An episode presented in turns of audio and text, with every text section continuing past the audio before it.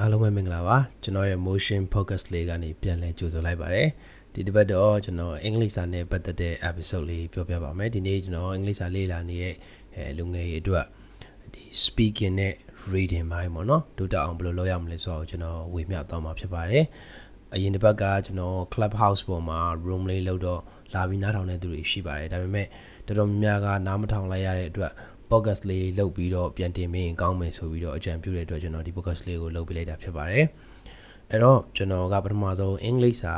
ဘာလို့လေ့လာသင်လဲဆိုတာနဲ့အစပြီးပြောပါမယ်ဘာလို့လဲဆိုတော့အင်္ဂလိပ်စာအကြောင်းပြောမှာဖြစ်တဲ့အတွက်ဒီဘာသာစကားကိုဘာလို့အဓိကလေ့လာထားသင်လဲဆိုတာကျွန်တော်ပြောပါမယ်အဲအဓိကကတော့ဗျကျွန်တော်တို့ကျွန်တော်ပထမဆုံးအမြဲပြောလေးရှိတာအင်္ဂလိပ်စာလေ့လာထားရင်ကျွန်တော်တို့ ਨੇ ဒီဝေးကွာနေတဲ့ဗ ဟုသုတအသိပညာတွေကိုကျွန်တော်တို့ရရှိနိုင်တယ်ကျွန်တော်တို့ ਨੇ အဲ့ဗဟုသုတတွေကြားမှာခြားထားတဲ့တကားကိုကျွန်တော်တို့တုံးဖွင့်နိုင်သွားလိမ့်မယ်အဲ့ဒါအဓိကပဲเนาะကျွန်တော်ဘဝမှာလည်းအဓိကအဲ့လိုဖြစ်ခဲ့တယ်အဲကျွန်တော်မြန်မာလိုပဲဖတ်တဲ့တုန်းကလည်းမြန်မာလိုစာအုပ်တွေရှိတယ်ဆိုပေမဲ့ကျွန်တော်တို့ဒီနိုင်ငံတကာမှာဖြစ်ပျက်နေတဲ့နောက်ဆုံးပေါ်နီးပညာတွေနောက်ဆုံးပေါ်ဒီတွေ့ရှိချက်တွေအသိပညာတွေဒါတွေအားလုံးကအင်္ဂလိပ်လိုပဲများသောအားဖြင့်ရှိနေရပါတော့။နေ့စဉ်နဲ့အမျှဒါတွေကိုဘာသာပြန်ပြီးတော့ ဟိုထွက်တဲ့စောင်းပါးတွေဂျာနယ်တွေမဂဇင်းတွေရှိတော်ညာလဲအဲ့ဒါတွေကအများကြီးမပြည့်စုံဘူးပြီးတော့ဘာသာပြန်စာအုပ်တွေထွက်တော်ညာလဲတကယ်တကယ်တမ်းမှာအင်္ဂလိပ်လိုထွက်နေတဲ့စာအုပ်တွေကအများကြီးအများကြီးရှိတယ်ဘလို့မှလိုက်မမီနိုင်ဘူးပေါ့နော်ကျွန်တော်စီမှာဘာသာပြန်ထွက်တယ်ဆိုတာကဒါလုံးဝဟိုအင်္ဂလိပ်စာအုပ်အများကြီးရဲ့အပုံတိတိလေးပဲရှိတယ်ပေါ့နော်အဲ့တော့အဲ့လိုမျိုးဒီနောက်ဆုံးပေါ်အသိပညာတွေ psychology နဲ့ပဲဖြစ်ဖြစ်အာအခြားဆေးပညာပဲဖြစ်ဖြစ် အဲကိုလုပ်နေတဲ့ career နဲ့ပတ်သက်တဲ့ဟာတွေပဲဖြစ်ဖြစ်အားလုံးကိုသိချင်အင်္ဂလိပ်စာကိုတတ်ဖို့လိုတယ်ဒါပထမတစ်ချက်ပေါ့နော်အဲဒုတိယတစ်ချက်ကဘာလဲဆိုတော့ဒီအင်္ဂလိပ်စကားတက်ရင်ဘဝမှာရနိုင်တဲ့အခွင့်အလမ်းလေးပေါ့နော်တယောက်တယောက်ဒီအင်္ဂလိပ်စာတက်ခြင်းမတက်ခြင်းကွာတာပေါ့မူတည်ပြီးအလုပ်ကံခွင့်လန်းရတာမှလည်းကွာခြားသွားတတ်ပါတယ်ဥပမာကျွန်တော်ဒီပထမဆုံး content writer အလုပ်စလျှောက်တော့ကျွန်တော် Rocket Internet ဆိုတဲ့နိုင်ငံခြားကုမ္ပဏီတစ်ခုမှာအလုပ်လျှောက်ရတယ်ပထမဆုံး interview မှာတင်သူတို့ကကျွန်တော်ရဲ့အင်္ဂလိပ်စာကိုတော်တော်လေးအထင်ကြီးသွားတယ်ပေါ့နော်အဲကနေပြီးတော့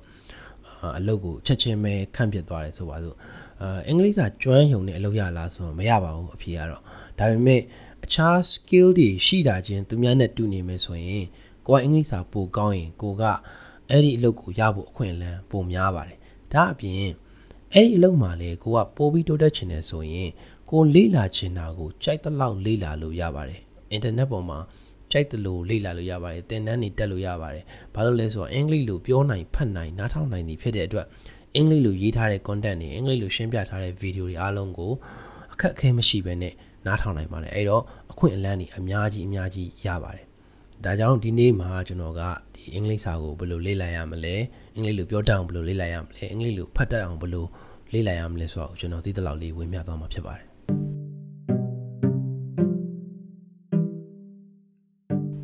ထမဆုံးအနေနဲ့အင်္ဂလိပ်လိုပြောတတ်အောင်ဘယ်လိုလေ့လာမလဲဆိုတာကိုကျွန်တော်အကြံပေးပါမယ်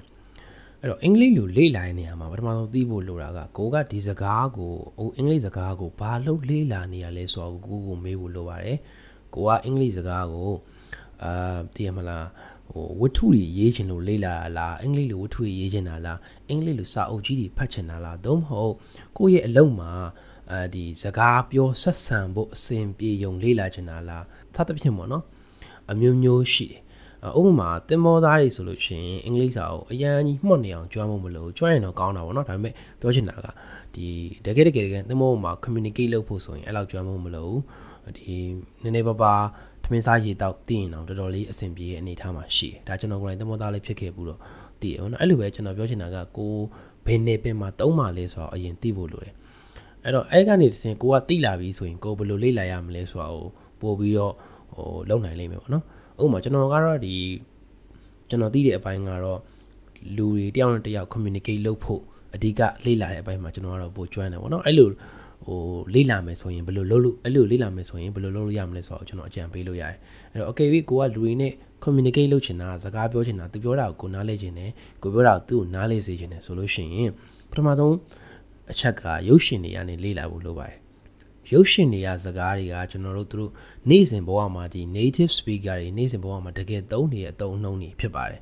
အဲ့တော့စာအုပ်ပဲဖတ်ပြီးတော့စာအုပ်ထဲကစာတွေကိုထုတ်ပြောထားတဲ့စာရင်ဒီရုပ်ရှင်ထဲမှာတုံးသွားတဲ့သူတို့သုံးနေကြ common expression လေးတွေ usage လေးတွေကပို့ပြီးတော့ဒီ daily conversation မှာပို့ပြီးတဘာဝကြကြဟိုနားထောင်လို့ကောင်းတယ်ပေါ့နော်စာမဆန်နေဘူးမထောက်နေဘူးပေါ့နော် ဒါပထမဆုံးတစ်ချက်ပေါ့နော်ဒုတိယတစ်ချက်ကပြောရဲအောင်လုပ်ဖို့လိုတယ်ပေါ့နော်ကျွန်တော်လာမေးရလူတော်များများသူတို့အင်္ဂလိပ်လိုပြောချင်တယ်စိတ်ထဲမှာလည်းသူတို့ပြောဖို့ဟိုစက်လုံးတွေပါစီတက်တယ်ဒါပေမဲ့ပြောကန်နေကြတော့မရဲဘူးပေါ့နော်အဲ့လိုပြောတာရှိရဲတချို့ကြတော့လည်းသူတို့စာတွေဖတ်နိုင်တယ်ရေးနိုင်တယ်ဒါပေမဲ့မပြောနိုင်ဘူးဖြစ်နေရပါတော့အဲသူတို့အားလုံးကိုမေးလိုက်တဲ့အခါကျလို့ရှိရင်သူတို့ကအင်္ဂလိပ်စကားကိုပြောမှမပြောပဲဘယ်သူနဲ့မှလေ့မကျင်ပဲဘယ်လိုလုပ်ပြောတတ်မှာလဲတော်တော်များများအဲ့လိုပါဇက်ကထုတ်မပြောဘူးတဲ့ဆိုတော့ အဖေကရှင်းတယ်လीမပြောရင်ပြောတတ်မှာမဟုတ်ကျွန်တော်အဲ့ဒါကိုနားလည်ထားဖို့လိုတယ်အဲ့ဒါအကျန်းအခြေခံကြတယ်ဟိုရိုးရိုးရှင်းရှင်းပဲမဲ့တကယ်တကယ်တမ်းမှာလူတော်များများမလိုက်နာတဲ့ဟာဖြစ်နေတယ်အဲ့တော့အင်္ဂလိပ်လိုပြောတတ်ချင်ပြောပြအောင်လုပ်ဖို့လိုတယ်အဲ့လိုပြောလို့ရတဲ့ဒီဟို environment တစ်ခုရှိဖို့လေလိုတယ်ဗောနော်အဲ့တော့အဲ့ဒါနဲ့ပတ်သက်ရင်ကျွန်တော်၃နည်းအကြံပေးလို့ရှိတယ်ပထမတစ်နည်းကကိုတယောက်တည်းပြောတာဗောနော်ကိုမှဘယ်သူမှအဖို့မရှိဘူးဆိုတော့ကိုကမှန်ကြည့်ပြီးပြောတာဒီနည်းကတော့အရန်တော့လုံးမဖြစ်ဘူးဗောနော်တယောက်တည်းပြောတာဖြစ်တဲ့အတွက် အဲသူများကိုဟိုပြန်တုံ့ပြန်လာနိုင်တဲ့စကားတွေကိုကောင်းကောင်းလေ့လာလို့မရဘူးဗောနော်ကိုကကိုပဲပြောနေတာဆိုတော့အဲ့တော့အဲ့ဒီနည်းနဲ့ဆိုရင်တော့ဒါခြားပြောဖို့မရှိဘူးဆိုရင်တော့အဲ့ဒီနည်းကိုမဖြစ်မနေတုံလို့ရပါတယ်လမ်းမှာသွားမယ်ဆိုလို့ရှိရင်အဲဖုန်းလေးနားမှာကပ်ပြီးတော့ကိုယ့်ဘာကိုတယောက်ယောက်နဲ့စကားပြောနေလို့ဟန်ဆောင်ပြီးတော့ပြောလို့ရပါတယ်ကိုယ်အယူကြီးလို့မထင်အောင်ပေါ့နော်ဒါပထမတနည်းပါဒုတိယတနည်းကတငယ်ချင်းနဲ့ပြောတာပေါ့နော်ကိုယ်တငယ်ချင်းနဲ့မှာအင်္ဂလိပ်လိုပြောချင်တဲ့သူတွေရှိရဆိုလို့ရှိရင် အဲသူတို့နဲ့လေ့ကျင့်ပါသူနဲ့ပြောပါကေသူတို့ရှက်တယ်ဆိုရင်လည်းမရမကခေါ်ပါနောက်ဆုံးဘလို့မှမပြောဘူးဆိုလို့ရှိရင်เนาะကျွန်တော်တို့ application တွေရှိပါတယ် online ပေါ်မှာကိုလိုပဲ e လိုမှုတ်ချင်တဲ့သူတွေအချင်းချင်းဟိုတေ့ပေးတဲ့ application တွေရှိပါတယ်ကို level အလိုက်သူတို့လည်း level နှိမ့်နာနဲ့စုံမယ်ကိုက level မျက်နှာရွေးထားရင် level မျက်နှာနဲ့စုံမယ်စတဲ့ application တွေရှိပါတယ်အဲ့ထဲမှာသုံးလို့ရရဆိုရင် speaker တို့ပါလို့ရှိပါတယ် S P E A K L R နောက်တစ်ခုက Wiki ဆိုတဲ့ app ရှိပါတယ် W A K I E Wiki ဆိုတဲ့ app ရှိပါတယ်အဲ့တော့အဲ့လို app တွေကနေအင်္ဂလိပ်စကားကိုပြောလေ့ကျင့်လို့ရပါတယ်တတိယတစ်ချက်ကအင်္ဂလိပ်လိုတွေးနိုင်အောင်ကြိုးစားပါကျွန်တော်တို့မြန်မာတွေကဟိုဟိုဒီအရင်တော့သင်ခဲ့ရတာပေါ့နော်မြန်မာလိုတွေးပြီးတော့အင်္ဂလိပ်လိုပြောပေါ့နော်အဲ့လိုမျိုးပြောတာရှိတယ်ဒါပေမဲ့တကယ်တကယ်တမ်းကအဲ့ဒါကဟိုကျွန်တော်အတွက်တော့တိုးတက်မှုကိုနှောင့်နှေးစေတယ်ကျွန်တော်တို့မြန်မာလို စကားပြောတာစီတာနဲ့အင်္ဂလိပ်လိုစကားပြောတာစီတာနဲ့မတူပြီးတော့မြန်မာလိုကောင်းထဲမှာစဉ်းစားပြီးအဲ့ကောင် translate လုပ်မယ်ဆိုလို့ရှိရင်ထွက်လာတဲ့စကားဒီတဘာဝမကြဘဲနဲ့စာဆန်ဆန်ထောက်တက်တောင်ရင်ဖြစ်နေလိမ့်မယ်အဲ့တော့အင်္ဂလိပ်လိုတွေးနိုင်အောင်ဘယ်လိုလုပ်ရမလဲဆိုတော့ကျွန်တော်ခုနပထမပြောရတဲ့ဟာပဲပေါ့နော်ရုပ်ရှင်တွေများများကြည့်ဖို့လိုတယ်ဥပမာထားပါတော့ကိုကတငယ်ချင်းတယောက်အိမ်ကိုသွားလေတယ်ကိုတငယ်ချင်းအရန်ခင်တယ်ပေါ့နော်အဲသူကရေတောက်အောင်မလားမေးတယ်ကိုကတော်ပြီငါမတောက်တော့ဘူးပြောမယ်ဆိုရင်ဘယ်လိုပြောမလဲအဲ ညီမလို့ဆိုတော်ပြီဆိုရင်အာငါမတောက်တော့ဘူး I won't drink ပါညာနဲ့အဲ့လိုစဉ်းစားပြီးပောက်ခဲ့ရဖြစ်ကုန်လိမ့်မယ်တကယ်ဆို I'm good thanks အဲ့လိုပြောလိုက်ရင်အာဒီဟိုဖြစ်တယ်ပေါ့နော်တဘာဝကြတယ်ပေါ့တကယ်အင်္ဂလိပ်ဟို native speaker တွေလည်းတုံးနေရတုံးနှုံမျိုးပေါ့နော်အဲ့လိုမျိုးပြောလို့ရတယ်ဒါဥပမာအနေနဲ့ပြောတာပါအဲ့တော့အဲ့လိုမျိုးအင်္ဂလိပ်လိုတွေးတတ်အောင်ပေါ့အင်္ဂလိပ်တယောက်သာဆိုရင်ဘယ်လိုမျိုးတုံ့ပြန်နိုင်တုံ့ပြန်မလဲပေါ့နော်အဲ့လိုမျိုးတွေးတတ်အောင်ဆိုရင်ရုပ်ရှင်တွေများများကြည့်ဖို့လိုပါတယ်ရုပ်ရှင်တွေကနေအဲ့ဒါတွေကိုလေ့လာနိုင်ပါတယ် အဲ့တော့နောက်ထပ်တစ်ချက်နံပါတ်၄ချက်ကဒီအင်္ဂလိပ်စကားပြောရတဲ့နေရာမှာအများအသုံးများတဲ့ grammar pattern တွေကိုလေ့လာဖို့လိုပါတယ်အဲ့ဒါနဲ့ပတ်သက်ပြီးတော့ကျွန်တော် online မှာလည်းခဏခဏ link ပေးဖို့ပါတယ်အကယ်၍ဒီ podcast တင်ထားတဲ့ Facebook post အောက်မှာလည်းကျွန်တော်အခုဒီနေ့ပြောသွားတဲ့ link တွေ app တွေကိုပြန်စုပြီးတော့ချပေးဖို့ရှိပါတယ်အဲ့တော့ဒီ podcast နားထောင်ပြီးရင် Facebook Motion IMT page ကဒီတင်ထားတဲ့ဒီ podcast post အောက်ကိုပြန်လာကြည့်လဲပါအဲ့မှာကျွန်တော်ပေးထားပါမယ်နောက်တစ်ချက်က common expression တွေကိုလေ့လာပါအင်္ဂလိပ်စကားမှာအသုံးများတဲ့ common expression တွေရှိပါတယ်အသုံးများတဲ့ idiom တွေရှိပါတယ်အသုံးနေတဲ့ idiom တွေကို idiom တွေ့တိုင်းအာ idiom ပြောတတ်ရင်ကိုယ့်ကို cool ဖြစ်ပြီးထင်ပြီးတော့မိုက်ပြီးထင်ပြီးတော့အကုန်လိုက်လေ့လာမျိုးမလုပ်သေးချင်ဘူးအသုံးများတဲ့ဟာတွေကိုအဓိကအရင်ဆုံးလေ့လာစေချင်တယ်နောက်မှကိုပြောတတ်ပြီဆိုတော့မှအခြားဒီကိုအဆင်ပြေတာတွေကိုလေ့လာလို့ရတယ်ပေါ့နော်ဒါကျွန်တော်ရဲ့အကြံပေးချက်ပါနောက်တစ်ခုကအင်္ဂလိပ်စကားမှာ စပြောဖို့ကြိုးစားရတဲ့သူတွေအတွက် listening skill ကခက်တဲ့ထဲမှာပါတယ်ကျွန်တော်တော်တော်တော်တော်လေးခက်ခဲ့တယ် listening ကအာကျွန်တော်နားထောင်တိုင်းမှာနားမလည်တာများတော့စိတ်သက်တွေအရန်ကြတယ်အဲ့တော့ဒီလို listening မကောင်းရခြင်းအကြောင်းရင်းကအတန်တွက်အမှန်တွေကိုမသိလို့လို့ကျွန်တော်ကတော့ယူဆတယ်ဘာလို့လဲဆိုတော့ဒီဒီ native speaker တွေကစကားလုံးတွေကိုသူတို့ရဲ့အသံအတွက်အမှန်နဲ့ပြောတဲ့အခါကိုတွေကမှတ်ထားတာကအတန်တော့အမားတွေဖြစ်တဲ့အတွက်ကိုမျောလင့်ထားသလိုသူတို့ကအတန်မထွက်ဘူးအဲ့တော့ ကိုကနားမလည်ဘူးဖြစ်သွားတယ်ဒါပထမတစ်ချက်ပေါ့နော်အဲ့တော့ကိုကအတန်တော့အမှန်ကိုသိဖို့လိုတယ်ဒုတိယတစ်ချက်ကကျွန်တော်တို့ link sound တွေကိုနားမလည်တာပေါ့နော် link sound တွေဆိုတာတစ်ခုနဲ့တစ်ခုဆက်ဆက်ပြီးတော့ပြောသွားတဲ့စကားလုံးတွေပေါ့ဥပမာ not not at at allo အဲ့ဒါကိုဘယ်သူကမှ not at all ဆိုပြီးတော့မထွက်ဘူးအင်္ဂလိပ်တွေအတန်ထွက်လို့ရှိရင် not at all ဆိုပြီးတော့တန်ထွက်တယ် no ရဲ့နောက်ဆုံးကထတန်က at မှာသွားပြန်စုံတယ် chat ဆိုပြီးတော့เนาะအဲ့တော့ at ကနောက်ကထတန်ကနောက်က al all နဲ့သွားပြီးရောပြီးတော့ tall ဖြစ်သွားတယ်အဲ့တော့ not at all ဆိုပြီးတော့အတန်ထွက်သွားတယ်အဲ့တော့အဲ့လိုမျိုးပြောလိုက်တဲ့အခါမှာကိုကဘာကြီးပြောလိုက်တာလဲဖြစ်သွားတယ်ကိုတိထားက not at all ဆိုပြီးတိထားတယ်အဲ့ဒါဥပမာအနေနဲ့ပြောပြတာအခြားစကားလုံးတွေအများကြီးရှိသေးတယ်ကျွန်တော်အတန်တက်အမှားရည်နဲ့ငငယ်တွေကထွက်ခဲ့တဲ့စကားလုံးတွေမှာအများကြီးအများကြီးရှိတယ်အဲ့အရာကိုကျွန်တော်တို့ကပြန်ပြီးတော့ပြုပြင်ယူဖို့လိုတယ်ဒီစလုံးတွေကလွယ်လွယ်လေးပါငါတိပိသားဆိုပြီးတော့လုပ်လို့မရဘူး အဲ့တော့အတန်အတွက်ကောင်းမှုဆိုရင် phonetics ကိုလေ့လာဖို့ကျွန်တော်အမြဲပြောတယ်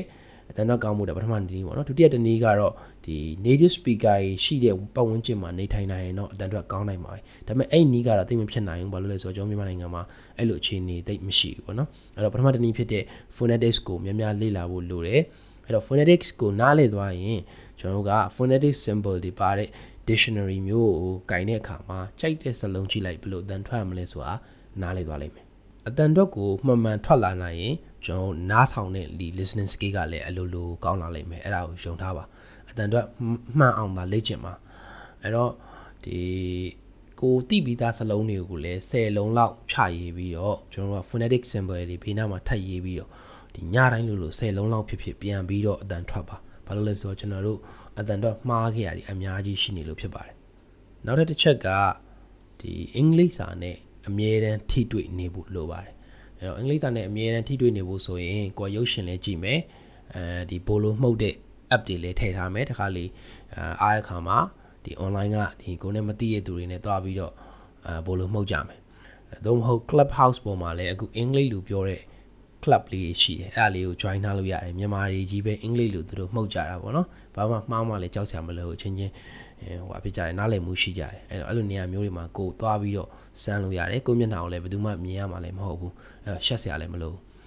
အဲ့တော့ဒါအပြင်ဘာလုပ်လို့ရသေးလဲဆိုတော့ podcast တွေနားထောင်လို့ရတယ် podcast တွေမှာမှကျွန်တော်ရဲ့ဒီ podcast တွေမဟုတ်ဘဲနဲ့အခြား podcast တွေအများကြီးအများကြီးနားထောင်လို့ရတယ်အင်္ဂလိပ်လိုပြောတဲ့ podcast တွေအများကြီးရှိတယ်အင်္ဂလိပ်လိုသင်ပေးတဲ့ BBC က podcast တွေအများကြီးရှိတယ်နားထောင်လို့ရပါတယ်အဲ့တော့ podcast တွေအဲ့လိုအများကြီးနားထောင်ကြရင်ဒီ Anchor apps အစားအခြား app တွေကိုသုံးစေချင်တယ် ကျွန်တော်စောပိုင်းကပြောခဲ့သလိုပဲအရင်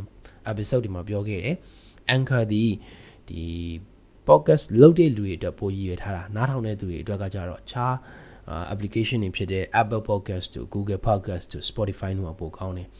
အခြားဒီ podcast တွေလည်းအများကြီးလိုက်ရှာပြီးနားထောင်လို့လည်းရတယ် BBC ကလုပ်တဲ့ podcast တွေရှိတယ်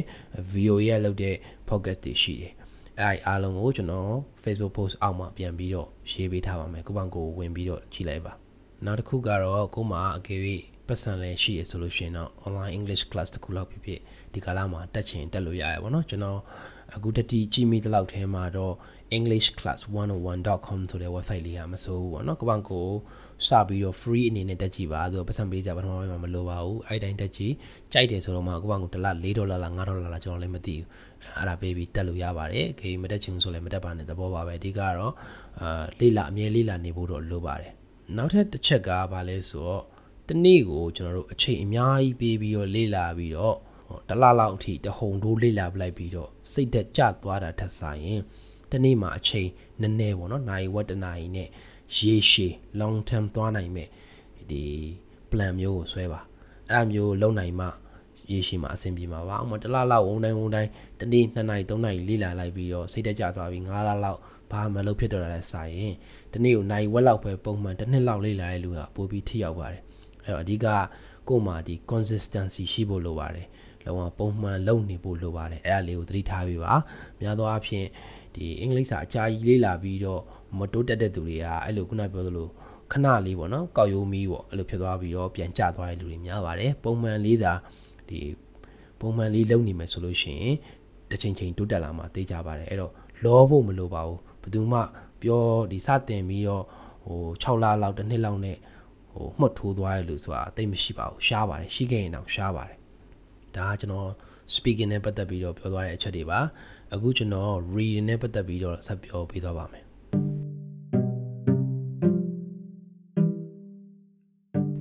reading နဲ့ပတ်သက်ရင်တော့ကျွန်တော်ပထမဆုံးပေးခြင်းနဲ့အကြံဉာဏ်ကကိုယ့်ရဲ့ level ကိုကိုသိအောင်လုပ်ဖို့လိုပါတယ်ဒါမြန်မာနိုင်ငံအကြောင်းသားတော်များများ ဟို skip လုပ်လိုက်တဲ့ step ပေါ့နော်ကြော်လိုက်တဲ့ step ပေါ့သူတို့တွေကစာအုပ်ဖတ်ချင်တယ်ဆိုလို့ရှိရင်စာအုပ်တုပ်ကိုကောက်ပြီးတော့ကင်လိုက်တယ်ကျွန်တော်တို့စာအုပ်အဟောင်းနှန်းကဟာပဲဖြစ်ဖြစ်အဲသူများငှားတဲ့စာအုပ်ပဲဖြစ်ဖြစ်နာမည်ကြီးစာအုပ်ပဲဖြစ်ဖြစ်ကောက်ကင်လိုက်တယ်ကို level နဲ့အဲ့စာအုပ်ရဲ့ရေးထားတဲ့ level နဲ့ကြိုက်လားမကြိုက်လားဘယ်သူမှမကြည့်ဘူးအဲ့လိုကြိုက်လားမကြိုက်လားကြည့်ဖို့လိုတယ်လို့လမ်းညွှန်ပေးရလို့လည်းသိမရှိဘူးပေါ့နော်အဓိကအဲ့ဒါကြောင့် အဲ့လိုစာအုပ်တွေကောက်ကင်ပြီးတဲ့အခါတမျက်နှာလောက်မှာကိုမသိတဲ့စလုံးကအပြည့်နီးပါဖြစ်နေတော့ရှေ့လဲဆက်မတက်တော့ဘူးဘလို့မှအဆင်မပြေဘူးဖတ်ရတာလေအဲ့တော့စာဖတ်တာကို enjoy မဖြစ်တော့ဘူးပေါ့နော်မကြိုက်တော့မကြိုက်တော့တဲ့အတွက်အာစိတ်တက်ကြလာမယ်စာဖတ်ခြင်းစီလည်းမရှိတော့နောက်ဆုံးစာမဖတ်ဖြစ်တော့အဲအဲ့လိုမဖြစ်ရအောင်လုပ်လို့ရတာကကိုယ့်ရဲ့ level ကိုသိအောင်လုပ်ဖို့လိုပါတယ်အဲ့တော့ကိုယ့်ရဲ့ level ကိုစစ်တဲ့နေရာမှာကျွန်တော်တို့ CEFR test ဆိုတာရှိပါတယ် သူ့ရဲ့အရှိက Common European Framework of Reference လို့ခေါ်ပါတယ်အဲ့တော့ဒီခါကကျွန်တော်တို့ level 6ခုရှိပါတယ် A1 A2 B1 B2 C1 C2 ဆိုပြီးရှိပါတယ်ဒီ A1 A2 ကတော့ကျွန်တော် basic လို့ပြောလို့ရတာပေါ့နော် B1 B2 ကတော့အလယ် intermediate ပေါ့ C1 C2 ကတော့ကျွန်တော်တို့ advanced ဖြစ်သွားပြီပေါ့နော်ကျွမ်းကျင်တဲ့အဆင့်ပေါ့အဲကျွန်တော်ဆိုလို့ရှိရင်ကျွန်တော် test လုပ်တဲ့အခါမှာကျွန်တော် C1 level ရှိပါတယ် အဲဒီနေ့ပဲခင်ဗျားတို့ကို recommendation မလုပ်ခင်မှာကျွန်တော်စစ်ကြည့်လိုက်တာပေါ့နော်အဲ့တော့ခင်ဗျားတို့လည်းလုပ်ဖို့အတွက်အဲ့ဒီဟာကိုကျွန်တော် Facebook post အောက်မှာပေးထားပါတယ်တေချာပေါ့အဲ့ဒီဟာကိုသွားပြီးတော့ကိုယ့်ရဲ့ level ကိုမိနစ်20လောက်အချိန်ပေးပြီးသူမေးထားတဲ့မေးခွန်း40လောက်ကိုဖြည့်ကြည့်ပါပြီးွားရင်သူက level ကိုပြောပြပါလိမ့်မယ်အဲ့တော့ကိုယ့်ရဲ့ level ကိုသိပြီဆိုလို့ရှိရင်အဲ့ level နဲ့ကိုက်တဲ့စာအုပ်ကိုပဲဖတ်ပါကိုက A1 level ပဲရှိသေးတာဆိုရင် C1 ဆိုတာယူတောင်းမဖတ်ပါနဲ့ C2 ဆိုတာယူလည်းတောင်းမဖတ်ပါနဲ့ဟိုစိတ်သက်ကြသွားပါလိမ့်မယ်လောဘမကြီးပါနဲ့ကိုယ့်ရဲ့ A1 ဆို A1 နဲ့ကြိုက်တာလေးကိုပဲဖတ်ပါနောက်ဆုံးအလွန်အကျူးဖြစ်ရင်တော့ A2 ဟာလောက်ပဲသွားဖတ်ပါအဲ့တော့အရန်ကြီးအဆင့်ခုံမတက်ဖို့လိုပါတယ်ဒါအရန်အရေးကြီးပါတယ်အဲအကြောင်းကျွန်တော်ပြောနေရခြင်းဖြစ်ပါတယ်အဲ့တော့ကိုယ့်ရဲ့ level ကိုသိပြီဆိုလို့ရှိရင် Google ထဲမှာ A1 level English stories သို့မဟုတ် A1 level English books စသဖြင့် ကိုယ့်ရဲ့ level နဲ့ကြိုက်တဲ့ဟာကိုသွားပြီးရိုက်ရှာလို့ရပါတယ်အဲအတစ်ဖတ်လို့ရတာတွေအများကြီးအများကြီးရှိပါတယ်ဒါအပြင်ကျွန်တော် short stories တွေဒီ beginner တွေဖတ်လို့ရမယ်ဒီ short story လေးတွေကိုကျွန်တော်အဲ့ comment ထဲမှာကျွန်တော်ပေးထားပါသေးတယ်အဲ့တော့အဲ့မှာလည်းသွားပြီးတော့ကြည့်လို့ရပါတယ်နောက်ပြီးတော့ level စစ်တဲ့နေရာမှာကျွန်တော် link နှစ်ခုပေးထားပါတယ်ကိုကြိုက်တဲ့ဟာနဲ့စစ်ပါဒီ cefrlevels.com ကဟာလည်းသွားစစ်လို့ရတယ်လို့ oxfordonlineenglish.com ကဟာလည်းသွားစစ်လို့ရပါတယ်အဲ့ဒါကတော့ဒီ comment သွားကြည့်တဲ့အခါမှာတွေ့ရပါလိမ့်မယ်ဒုတိယအနေနဲ့ကျွန်တော်ဆက်ပြီးတော့ထပ်ပြောချင်တာပေါ့နော်ဒါဖိအားပေးတာပေါ့ပထမတစ်ခုလွယ်တဲ့စာအုပ်ကိုဖတ်ပါဟာဒါပထမတစ်ချက်ကိုပဲပြန်ပြောနေတာပါဒုတိယချက်ဆိုပေမဲ့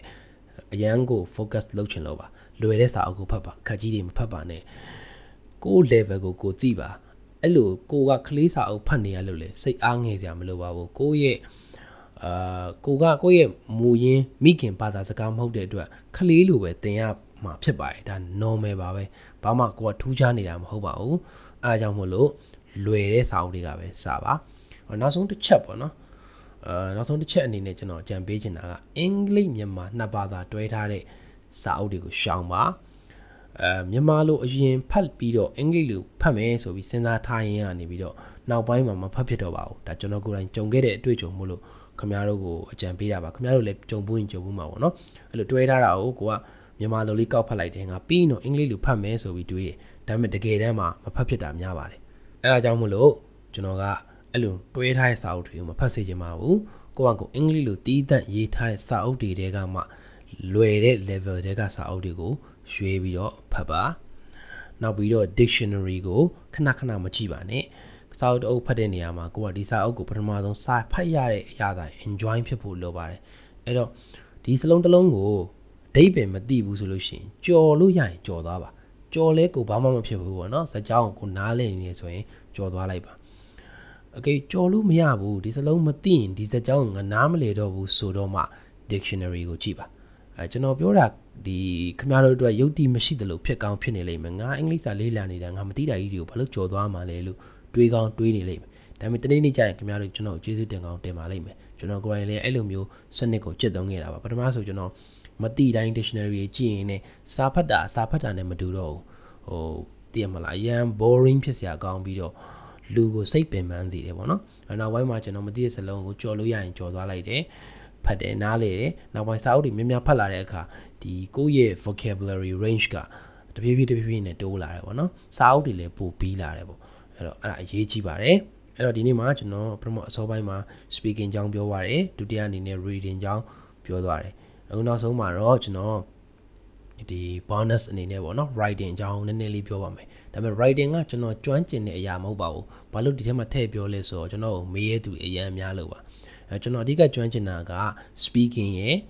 reading ရယ်ပါ အဲ့တော့ဒီ writing ကိုကျွန်တော်သိပြီးရေးလေးမရှိပါဘူးကျွန်တော် email တော့ရေးလေးရှိပါတယ်နိုင်ငံခြား publisher တွေနဲ့ email အသွားပြန်အမြဲရှိပါတယ်အဲ့တော့ရေးရဆိုတဲ့နေရာမှာ essay တွေ letter တွေလည်းဘာမှရေးလို့မရှိပါဘူးကျွန်တော်ရေးရဆိုလို့ email အသွားပြန်ရေးတာပဲရှိပါတယ်ဒါပေမဲ့ကျွန်တော်ဒီအင်္ဂလိပ်စာနဲ့ပတ်သက်ပြီးရေးတဲ့အပိုင်းကိုလည်းကိုယ်တိုင်လေးလေ့လာနေရပါတော့အဲ့လိုလေ့လာနေရမှာသုံးနှစ် application လေးနှစ်ခုလောက်ရှိပါတယ်ပထမတစ်ခုက grammar လေးပါ grammar လေးကအာ free version လည်းသုံးလို့ရပါတယ် ကျွန်တော်အခုဒီ podcast မတိုင်ခင်စနေနေ့မှာအဲ့ post လေးတင်ထားပါတယ်သွားကြည့်ကြည့်ပါအဲအဲ့တော့ဒီ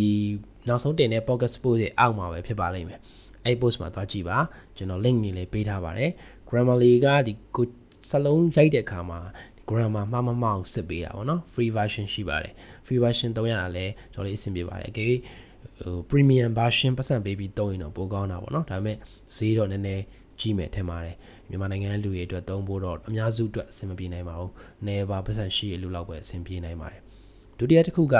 pro writing 8ပေါ့နော်။အဲ pro writing 8ကိုတော့ကျွန်တော်ရဲ့ personally အရာကျွန်တော်ပိုကြိုက်တယ်သူသူ့မှာလည်း free version ရှိတယ်ပေါ့နော်ဒါပေမဲ့သူ့မှာအဲသူ free version ကခုနက grammarly ရဲ့ free version လောက်တော့အရန်ကြီးမကောင်းဘူးသူက premium မှာဆိုရင်တော့အရန်ကောင်းတယ်ဗျကျွန်တော်အခုလောဆယ်မှာ7 days trial ကိုသုံးကြည့်နေရပေါ့နော် premium ကို trial သုံးကြည့်နေရပေါ့အဆန်းသုံးကြည့်နေရပေါ့နော်ကြိုက်ရင်ပတ်စံပေးပြီးသုံးလို့ရတယ်သို့ပေမဲ့သူက grammarly ထက်ဈေးတော့ပိုကြီးပါတယ်တစ်လောက်ဒေါ်လာ20တောင်ပေးရပါတယ်အဲ့တော့အဲဒီနှစ်ခုကတော့ကျွန်တော်အခုလောလောဆယ် recommend လုပ်ပါတယ်သို့ပေမဲ့ free သုံးလို့ရရင် free သုံးပါပတ်စံကြီးချက်ချင်းမပေးပါနဲ့ဘာလို့လဲဆိုတော့ကိုကဒါကိုရေရှည်မှာသုံးပြမလားမသုံးပြမလားဆိုတာစမ်းကြည့်ဖို့လိုပါတယ်အဲ့တော့အရင်စမ်းကြည့်ပါကိုကကိုပတ်စံပေးဖို့တက်လဲတက်နိုင်တယ်ပေးတဲ့နယ်လဲတင်ထင်တယ်ဆိုလို့ရှိရင်ပေးပြီးတော့သုံးပါ အဲ့တော့ဒါကျွန်တော် bonus အနေနဲ့ပြောတာပါဒီနေ့ podcast လေးကိုကျွန်တော်ဒီမှာပဲရပ်နာပါမယ်ဒီ podcast ကနေအင်္ဂလိပ်စာနဲ့ပတ်သက်တဲ့ဗဟုသုတတွေအများကြီးရသွားမယ်လို့လည်း ကျွန်တော်မျှော်လင့်ပါတယ်ကျွန်တော်ရဲ့ clubhouse မှာလည်းကျွန်တော်ကို motion ဆိုပြီးတော့ရိုက်ရှာပြီးတော့ follow လုပ်ပေးထားပါလူပုဂ္ဂိုလ်အနေနဲ့ motion ဆိုပြီးရှိသလို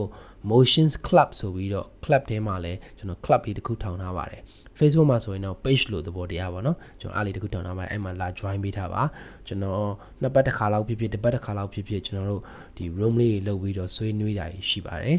အဲ့တော့အားလုံးပဲဒီ podcast လေးကနေဘုဒ္ဓတာတွေရသွားမယ်လို့ထင်ပါတယ်အားလုံးပဲကြံ့ပါကြပါစေဗျာ